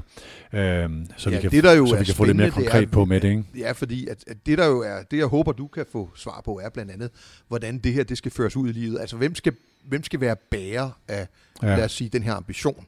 Øh, hvad hedder det... Øh, lige nu, at, og, og det er sagt øh, helt øh, uden agenda af nogen art, øh, men lige nu er det Stolt Solbank, der træner FC København, og sådan har det været i et ja. stykke tid. Øh, han har alt for meget på sin palette til at kunne blive øh, en, en logisk løftestang i forhold til den her ambition. Øh. Må jeg ikke lige smide en ting ind, som altid er fuldstændig, det er en, det er sådan set min egen lille Hassan øh, i forhold til øh, forankring i FC København, som handler om det multikulturelle. Altså det at blive et, øh, en, en smeltedil fodboldmæssigt, også for det her. Jeg ved, der er nogle samarbejdsting og ud i miljøerne og Nørrebro og Nordvest og så videre, men jeg oplever det jo ikke sådan, at det summer af FC København i de miljøer, når jeg sådan, nu, nu, nu har vi kontor i den der region, ikke? Men det var sådan, jeg tænkte, der, er der ikke et kolossalt potentiale der? Jo, det er der jo strengt for alle klubber i alle byer. Mm. altså, øh, og således også for, for, for FC København i København. Øh, og vi ser det jo mere og mere, at klubber skal være mere end bare en klub, for nu at, ja, at bruge et, øh, et udtryk. Øhm, øh, og så det der, det der klogt nok, øh, fodbold er jo noget af det, der kan samle, og klubber er jo noget af det, der kan samle frem for øh, at splitte, i hvert fald inden for, Jamen, ja. inden for klubtilhørsforholdet. Øh, så, så jo jo, det, det, er jo, det, er det er vel nærmest sådan et, en slags trin 1, 2 eller 3 på en mm. helt logisk markedsføringsplan af, af, af, af et, en kulturel øh, institution, som en fodboldklub jo alt den lige er. Så tager vi lige den anden meddelelse fra vores øh, partner, Medianos hovedpartner. Private banking for Arbejdernes Landsbank er mere og andet end bare investering. Det er først og fremmest formueplanlægning, der giver dig overblik. Du bruger for eksempel en stor del af dit liv på at opbygge en formue. Men har du også en god plan for, hvordan du klogest bruger den igen? At planlægge sin gæld er faktisk lige så vigtigt som at planlægge sine investeringer. Private Banking fra Arbejdernes Landsbank. Vi giver dig overblik og viser dig mulighederne. Dan og jeg har i 2018 lavet udsendelser om FC Midtjylland og om FC København, altså rene udsendelser på cirka to timer om hver af disse klubber, så de ting vil vi ikke gentage. Øh, men i den her scene, i forhold til toppen af dansk fodbold, der er afsættet i FC Midtjyllands øh, øh, provokation, udmelding, hvad vi nu skal kalde det, der, der taler du om det her management battle, øh, jeg var inde på op i, op i indledningen. Hvis vi lige prøver at gå ind og sige, hvem er drivende i det? Det er Midtjylland, efter min bedste overbevisning. Øh, det er i hvert fald dem, der objektivt set har den største interesse i. Øh, Fordi de er udfordreren de udfordrer... Og de også positionerer og, sig ved at gøre det. Jamen, det er jo bare sådan, at, at, øh, at, at for eksempel brugte jeg meget tid i FC København på at tale om Bayern München. Altså, øh, ikke at provokere Bayern München eller andet, men, men når jeg sådan var talt med sponsorer og alt muligt andet. Fordi jeg jo så dermed næsten sådan kunne per automatik klikke ind i en ambition, som de forstod, hvad var, selvom FC København var uendelig langt for at være Bayern München på det her tidspunkt. Men den der sådan meget dominante klub i, i, i, en, øh, i en liga. Og på samme måde er det jo lidt med Midtjylland, at på den her måde, at, at de er jo en situation nu, hvor de har nogle rigtig fine sportslige resultater over et stykke tid. De tjener penge, øh, især på deres øh, transferstrategi. Men der er jo sådan nok sådan lidt en, en oplevelse af, og især på heden da, at de stadigvæk ikke er i klasse med Brøndby og FC København. Øh, sådan i den almindelige fodbold i øh, øh, perspektiv. Mm. Øh, og så er det da rigtig, rigtig, rigtig smart at, at øh, adressere sig op af nummer et. Øh, dels fordi det sikrer simpelthen, at du bliver hørt. Og det, det, er jo, det, er jo, det er jo meget, det er jo sådan, mm. det er virkelig basalt forståelse af, hvordan en øh, underholdningsbranche fungerer. Øh, det er at, øh, at øh, jamen, sørge for at tale om noget, som, som flere end dem, der taler om dig, taler om. Altså, øh, så, øh, så bliver du jo automatisk, øh, øh, hvad hedder det, kommer du automatisk med i dialogen. Så agerer du. Ja, præcis. Ikke? For at reagere. Så, så, så hvis, nu, øh, hvis nu Midtjylland de havde været ude og fortælle, at, øh, at nu ville de være den største jyske klub, for nu at tage det eksempel, jamen så ville man måske skrive lidt om det i, Midtjylland, øh, lidt om det i Jylland. Ja. men, men, men ved at gøre det andet, så får du bare per automatik, automatik en enorm øh, attention. Og fodboldklubber lever af opmærksomhed. Og, og, og det, der er sådan rigtig interessant ved det her, det er jo at gøre det på en måde, så den ikke dør. Ikke? Hvis man skal personificere det her lidt, og jeg skal trække den tilbage til øh, hvad skal man sige, 90'erne og 0'erne, så var Flemming Østergaard jo en per, altså personificering af FC København, og han fortrængte den gamle øh, hvad skal man sige, lokomotivfører, og øh, hvad han nu var, Per Bjergård. Øh, man kan vel ikke tale om en helt tilsvarende personificering i det her, fordi det er Rasmus Ankersen, skråstreg, Claus Steinlein, der udfordrer hvem? Ja, hvem? altså, øh, billedet af FC København som, som, som den alt dominerende øh, figur i dansk fodbold, mere end mm. en person. Øh, nu begynder det jo at nærme sig, fordi det er Ståle, der svarer hele tiden. Så nu begynder det jo at nærme sig sådan et eller andet, øh, at, at det handler lidt om Ståle Solbakken. Øh, så det er en bestyrelsesformand og en træner-manager? Ja, altså hvis man skulle tage den sådan og strække den helt ud, så er det en, så er det en bestyrelsesformand og en cheftræner. Øh, men, ja. men nu er det jo sådan, at, at cheftræneren i det her tilfælde også er sportsdirektør, og bestyrelsesformanden rent faktisk også er sportsdirektør, om ind i en anden klub. Så jeg tror ikke, at sådan folk på gaden går rundt og tænker, at der er et skævt udgangspunkt i, at Rasmus Ankersen og Ståle Solbakken skændes i medierne. Øh, altså en bestyrelsesformand og en, øh, og en træner, hvis jeg skulle tage det øh, meget langt ud. Og det er jo dels en kado, til, hvor meget FC København er lige med Ståle Solbakken. Altså, mm. øh, øh, hvad hedder det? Der er ikke nogen, der tvivler på, at de mener det samme i bestyrelsen, for eksempel. Men er det et svaghedstegn, øh, at der ikke er en til at tegne butikken på den måde? Der ligger også selvfølgelig den der afhængighed, som vi var inde på før af Ståle Solbakken. Nej, det kommer jo helt an på, hvor godt personen gør det. Jeg, jeg tror altså, øh, problem, problemet i det er, som vi nævnte før, at, at hvad så, når, når, når den person ikke længere er der. Øh, og nu har Ståle jo været meget holdbar i FCK-regi øh, i, i to omgange. Øh, så så det, er jo ikke, det er jo ikke at sidestille med, at en cheftræner tegner klubben øh, fordi vi ved, at cheftræner definitivt forsvinder. Ja. Øh, altså der er, der er har Ståle en anden position nu. Øh, han er sportsdirektør, og det er ikke nødvendigvis sådan, at sportsdirektør forsvinder i samme hest. Øh, I hvert fald ikke i succesrige klubber. Øh, og øh, altså, der er jo nogle udfordringer i det. Der er helt basalt det, at der er rigtig mange mennesker, der ikke forstår, hvad Ståle siger. Altså, øh, jeg, jeg forstår ikke, at de ikke forstår det, men, øh, men det, jeg har jo også fået en vis træning i det. Øh, og, og så, altså, øh, så ved jeg ikke, altså, øh, til gengæld er han pisse god til det. Øh, og det er jo, altså, jeg kan ikke rigtig se, hvem i, og det er sagt med respekt for hele persongalleriet i FC København i dag, øh, men jeg kan simpelthen ikke se, hvem der skulle kunne matche øh, en Rasmus Ankersen, øh, Øh, og potentielt, hvis Brøndby ville sælge, sende en, en, øh, en Morten Albæk i spil, sådan øh, kommunikativt, så er det simpelthen svært ved at se, hvem anden end Ståle Solbakken øh, der, der kunne indgå med tilstrækkelig tyngde øh, i, i, i de her sådan, øh, diskussioner. Man kunne så stille sig selv spørgsmålet, om FC København overhovedet bør indgå i den dialog. Øh, det, øh, det, det, synes I forhold jeg til at holde sig for fint til det, eller? Ja, du kan sige, de går jo i hvert fald FC Midtjyllands ærne. Det, det mener jeg i hvert fald konklusion på det, jeg har snakket mig frem til her. At de har virkelig noget ud af at kunne løfte sig op på siden af FC Så de går København. Midtjyllands ærerne ved at svare på det overhovedet? Ja, øh, men omvendt skal man så også huske på, at det gælder jo stadigvæk for FC København, at de skal være til stede i dialogen. Altså, om, mm. altså det her med, at det nytter ikke noget, man holder op med at larme. Øh, det er bare lidt ærgerligt, at det bliver Nej, så det, er jo, det, er jo, det er jo en gammel FCK-dyd jo. Ja, lige præcis, men omvendt, så kan man så sige, øh, at det er en svær, en svær situation at være i, øh, fordi at du hele tiden kommer til at spille på den bane, som Anton Mangersen vælger. Ikke? Øh, og jeg har da også lagt mærke til, at Ståle er blevet mere sådan trækken på skuldrene-agtigt. Er det 1. april? Er det, altså, og der er jo den risiko for, at man bliver en lille smule, man bliver en lille smule at man ender med måske at, at blive en lille smule latterlig, hvis man ikke adresserer det seriøst. Mm. Omvendt, adresserer man det seriøst, så vil det lyse ud af en, at man ikke synes, det er seriøst, det der foregår. Øh, plus, at, øh, at man kan komme til at virke øh, sådan øh, øh, uforsigtig i forhold til ja. sine konkurrenter og andet. Ikke?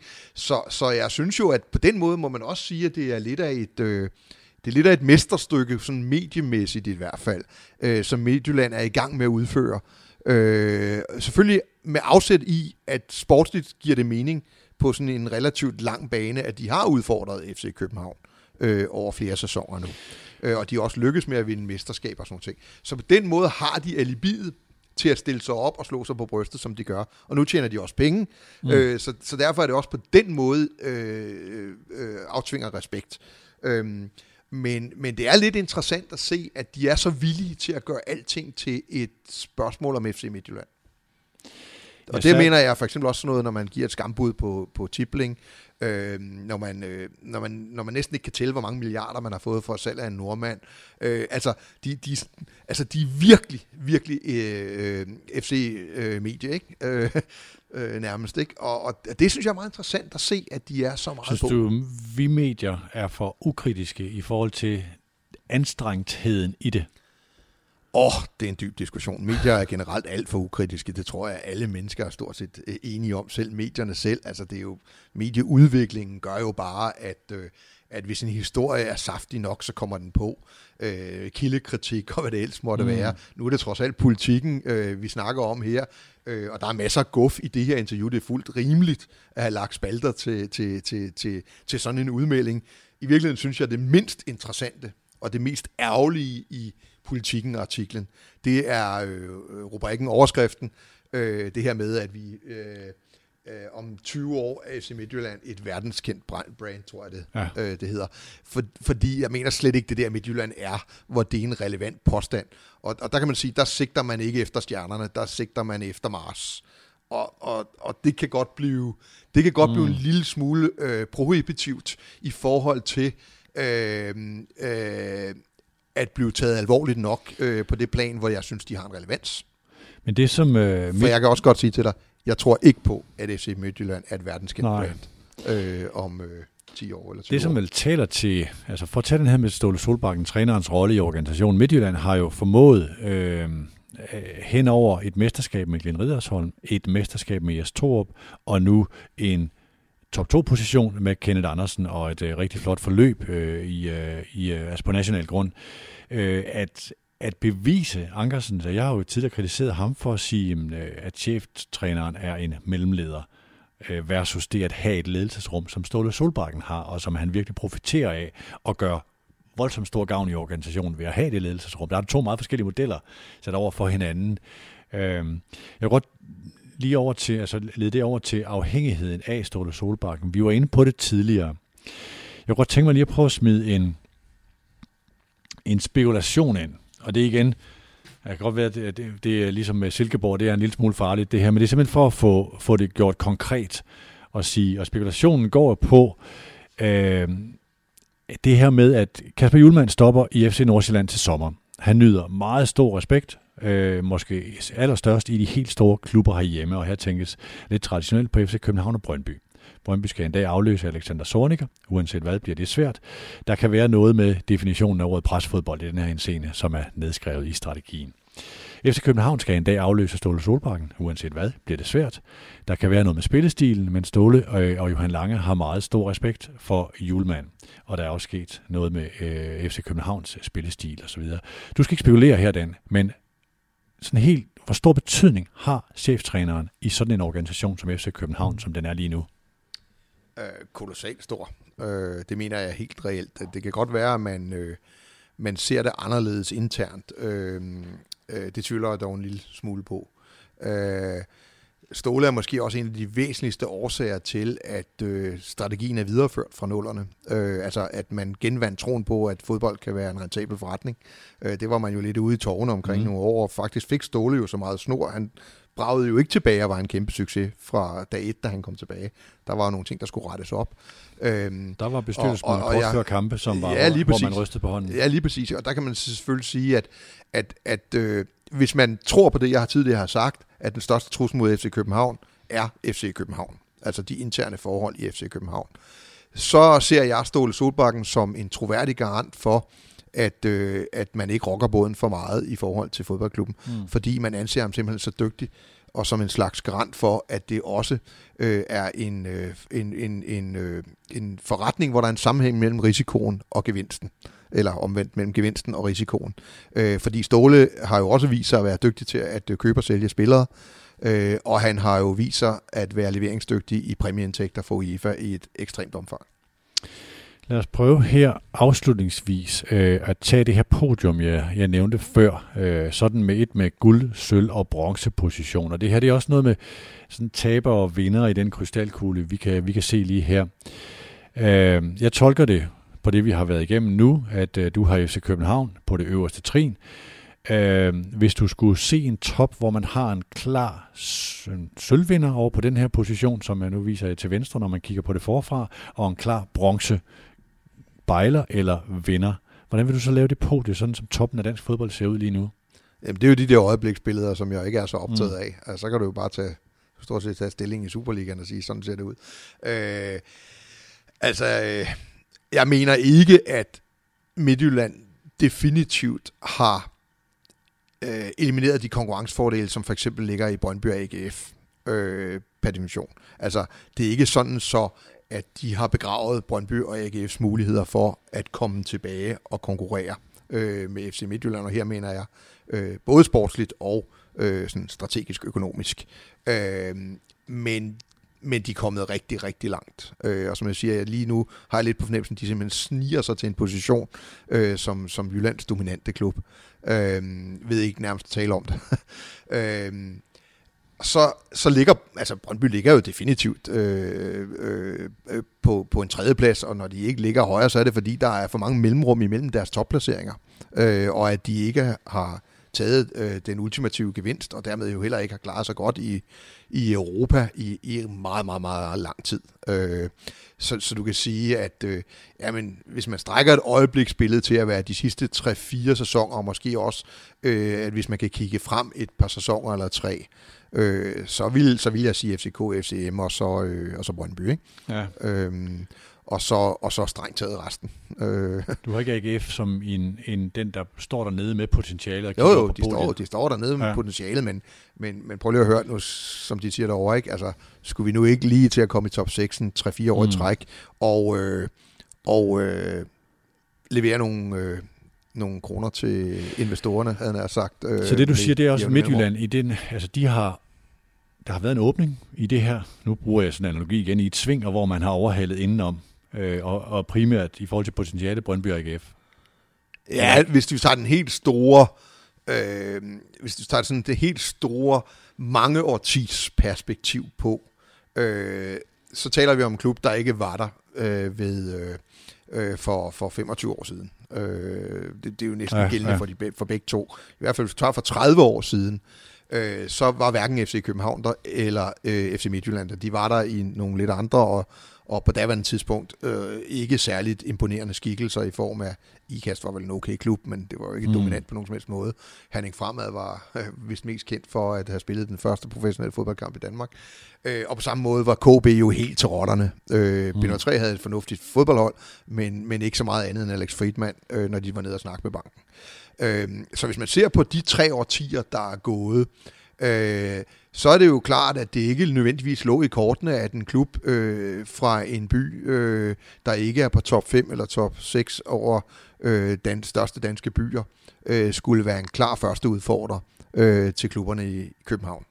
Øh, og, og på den måde kan man jo godt sige, at de har overhalet øh, Brøndby og øh, AGF indenom, udenom, eller øh, hvordan det nu måtte være. Men de er ikke så langt foran dem, at Nej, jeg øh, vi bare kan snakke om, at, Brøndby, at, den her at, at, at være slut.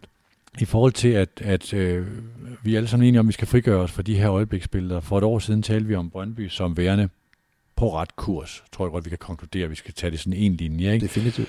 Uh, vi talte om strategi 6,4, den 8-årsplan, som man var langt foran, om tilskuerudviklingen, der gik godt, og en, en, øh, en ejer, som godt være, han gjorde nogle vilde ting, men, øh, men det, var, det var godt at have en ejer til at, uh, til at kunne gøre de her ting, og man har investeret forholdsvis fornuftigt i noget andet end kun førsteholdet øh, rundt om. Nu taler man så om, hvordan øh, eller hvor Sonica drejer hen, når han drejer ind i et mørkt område. Man taler om, hvorvidt Ebbe Sand kan afløse Troels Bæks øh, forholdsvis sikre hånd på rettet, øh, når han laver kontrakter. Her taler jeg om Ebbe Sand med en, med en dreng med krudtuglehår fra Toronto efter et par ugers prøvetræning. I hvilket omfang ser du stadigvæk Brøndby på ret kurs? Øh, set op for helikopteren. Mm. Altså, for alle de der, sådan, øh, er Ebbe Sand lige så god en sportsdirektør, som Troels Bæk var. Øh, kan der komme en anden træner, der kan gøre det lige så godt, som Sorninger har gjort? Lad os kigge over for eksempel tre år i periode. Øh, det tror jeg nok, at det, er da muligt. Øh, så hvis jeg kigger på, hvordan Brøndby var for en håndfuld år siden, øh, og så nu, så op for helikopteren, så ser vi jo en klub, som var, havde en nærdødsoplevelse, og som nu har et meget, meget stærkt ejerforhold. Øh, det har jo, Jan Bæk har jo demonstreret det gang på gang, at han ikke er i det for 12 måneder, men som han vist nok definerede på et tidspunkt, mindst 12 år. Ikke? Mm. Øh, og det synes jeg, han har levet op til. Altså, det er hver eneste gang, at der skal skrives en cirka ud, så er han jo villig til at gøre det. Øh, og nu så jeg også, at den næste emission bliver med en foretegningsret. Det må jo alt andet lige betyde, at han skal tegne rigtig mange nye aktier selv. Øh, så du kan sige, i det perspektiv, som jeg jo synes måske er det aller, aller vigtigste, er der ro på bagsmækken, er der, er der, er der økonomisk polstring øh, til at gøre det rigtige, så er, øh, så er Brøndby øh, et meget bedre sted i dag. Øh, så er der de her øh, udfordringer, øh, og det, som, som er godt ved Midtjylland, det er, at de har også ro på bagsmækken, men de har også en mere eksplicit forklaring på, hvordan de vil videreudvikle deres forretning til at tage mm. kampen op med FC København. Man kan tro på den eller ej, men, men den er der. Vi vil tjene penge på transfer i et omfang, som man ikke har set før, og som gør os i stand til at konkurrere med klubber, der på de traditionelle indtægtskilder øh, per definition har en fordel frem for os. Øh, de er de har kontinuitet, kontinuitet øh, på, på det sportslige mm. område. De har et øh, efterhånden veletableret akademi, som er god til at sende spillere ud i Europa, der får succes. Øh, mange af dem. Øh, så de har, de har nogle, skal vi kalde det, stepstones af forskellige art, som gør, at, at når man også kigger fremadrettet, så er der egentlig god grund til at tro, at det her det kan udvikle sig positivt. Med den lille undtagelse, jeg er ikke helt sikker på, at, at de kan få så suveræn en position på transfermarkedet, som de selv Nej. bilder sig i. Men, men alt denne lige, så har de forstået branchen. De har indrettet sig på en måde, der både er i der både er konsistent med, hvem er Midtjylland, altså hele den her satsning på talentudvikling og andet, øh, og de forstår medierne, øh, de har sportslig succes, og de tjener penge. Mm. Det er da meget gode udgangspunkter for, at det kan blive endnu bedre. Der har du så Brøndby, der har ro på, på bagsmækken. De har fået en strategi, som i hvert fald på sammenhæng med det her presspil og tribunerne og Brøndbys historie og alt muligt andet, var rigtig spændende. Jeg giver ikke en, en pose et eller andet for øh, selve den der med, at vi skal kun bruge 53 millioner, og så kunne spille lige op øh, med folk, der bruger, eller med klubber, der bruger 120 millioner. Eller at Brøndby kan leve med at være en top 6 klub, punktum. Øh, det, det tror jeg simpelthen ikke på. Den mm. del af strategien mener jeg simpelthen var... Øh, øh, det er ikke et spørgsmål, om man er foran strategien. Altså, jeg, jeg mener helt reelt, at den strategi ikke findes øh, på lige præcis den punkte, at vi ikke vil bruge mere på førsteholdet, øh, og mm. alligevel klare os øh, rimelig hederligt øh, sportsligt.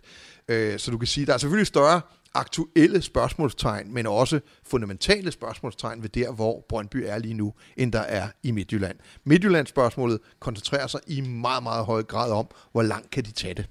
Altså, øh, og hvor store er de fordele, som, som mm. i hvert fald Rasmus Ankersen er rigtig gode til at male op til noget helt ekstraordinært. Og det, så har vi så AGF, øh, hvor man kan sige, noget bedring i driftsøkonomien. Øh, Øh, det virker som om, man har fået en træner, man har tænkt sig at holde fast i et stykke tid, øh, og forhåbentlig der er også en sportschef. Øh, så, så der er der nogle gode tegn. Stadigvæk langt for at være en rigtig god forretning. Øh, øh, har ikke udvist nogen særlig store evner til sådan ligesom at flytte sig paradigmemæssigt, altså sådan øh, at, at kunne flytte sig rigtig voldsomt på, på spillermarkedet. Øh, og måske er de også en af de klubber, som over tid har fået lidt mindre end en krone øh, for 100 øre ude på mm. banen. Øh, så, så du kan sige, der er, en, der er en række, og så er de truet af Midtjylland, som jeg ser det, i forhold ja. til, til deres naturlige position. De har stadigvæk Aarhus. Øh, de diskuterer rigtig meget om Aarhus Stadion nu er så god, øh, at man kan holde pokalfinale der, men ikke god nok til, at AGF kan spille deres egen hjemmekamp Nej. der, men det er sådan en kuriositet. Den er, den er lidt sjov. Ja. Øh, men, jeg, men det er jo klart, at de har slet ikke beviser. De har slet ikke de sidste to årtier eller mere øh, nogen, som, lagt nogen som helst beviser for, at de reelt set hører med i en top 3 i, i, i dansk fodbold. Vi bliver bare ved med at hæfte os ved, at, øh, at de trods alt er i stand til at tiltrække sponsorer, at de kan få mange mennesker på mm. stadion, mm. og det er en stor by, hvor de er den eneste klub, øh, ja. der for alvor øh, gør sig gældende i modsætning til, til København, hvor der både er Brøndby og FC København. Så, øh, så du kan sige, øh, vi, vi, vi forbliver ved at tale om potentialet i AGF. I Midtjylland, øh, der taler vi trods alt om konkrete strategier, mm. om de virker, og i FC København taler vi om et relativt bulletproofed øh, strategi øh, og eksekvering, øh, hvis jeg skulle, skulle trække øh, podiet op på sådan lidt, lidt bredere plan.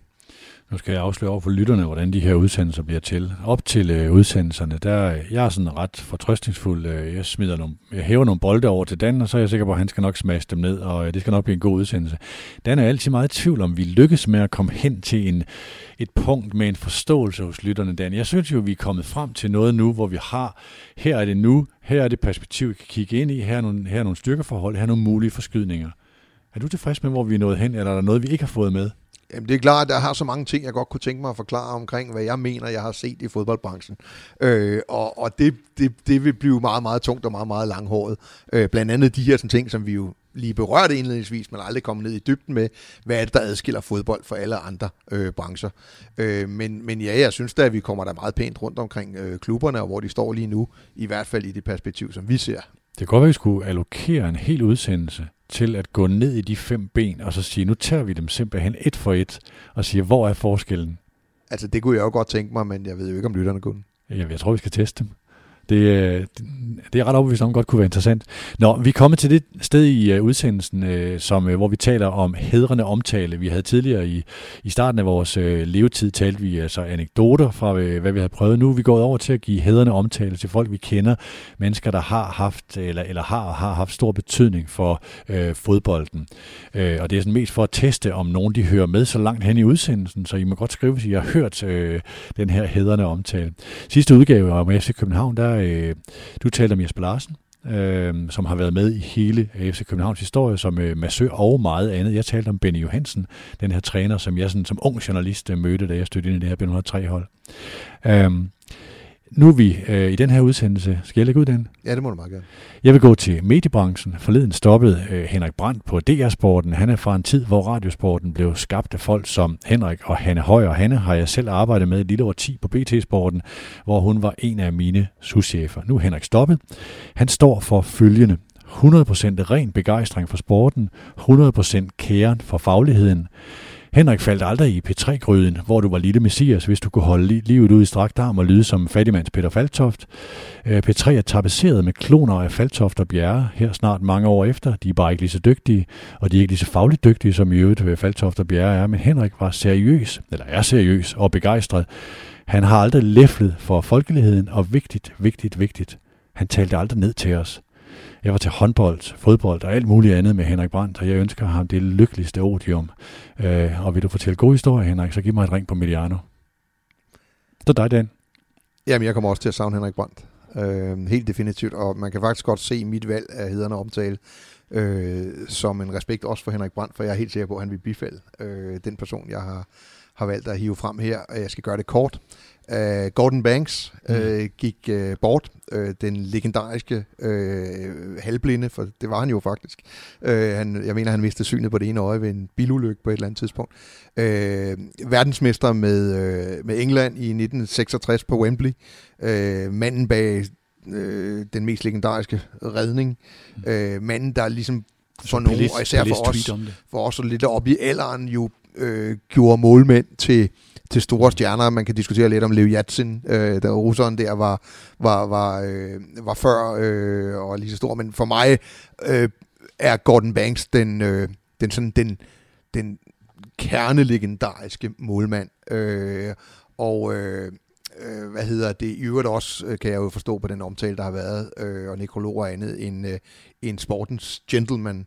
Øh, og, øh, og det synes jeg er vigtigt, øh, at, at, at vi lever altså ikke kun af, at der bliver puttet fingre ned i første holdet og andet. Vi lever også af, at fodbolden mm. har en 150-årig lang historie, øh, hvor nogle folk har udmærket sig på helt speciel vis. Og, øh, og øh, Gordon Banks var definitivt en af dem, en af de aller, aller største. Tak til dig, Dan, for at åbne Leeds United-kontoret. Er det ikke det, kontoret hedder? Jo, der står i hvert fald Home Team Dressing Room, og så er Leeds Uniteds øh, Leeds logo United. på døren. Tak til dig derude, der har lyttet med. Tak til Private Banking fra Arbejdernes Landsbank. Vi er Hammer og Brygman. Vi høres ved.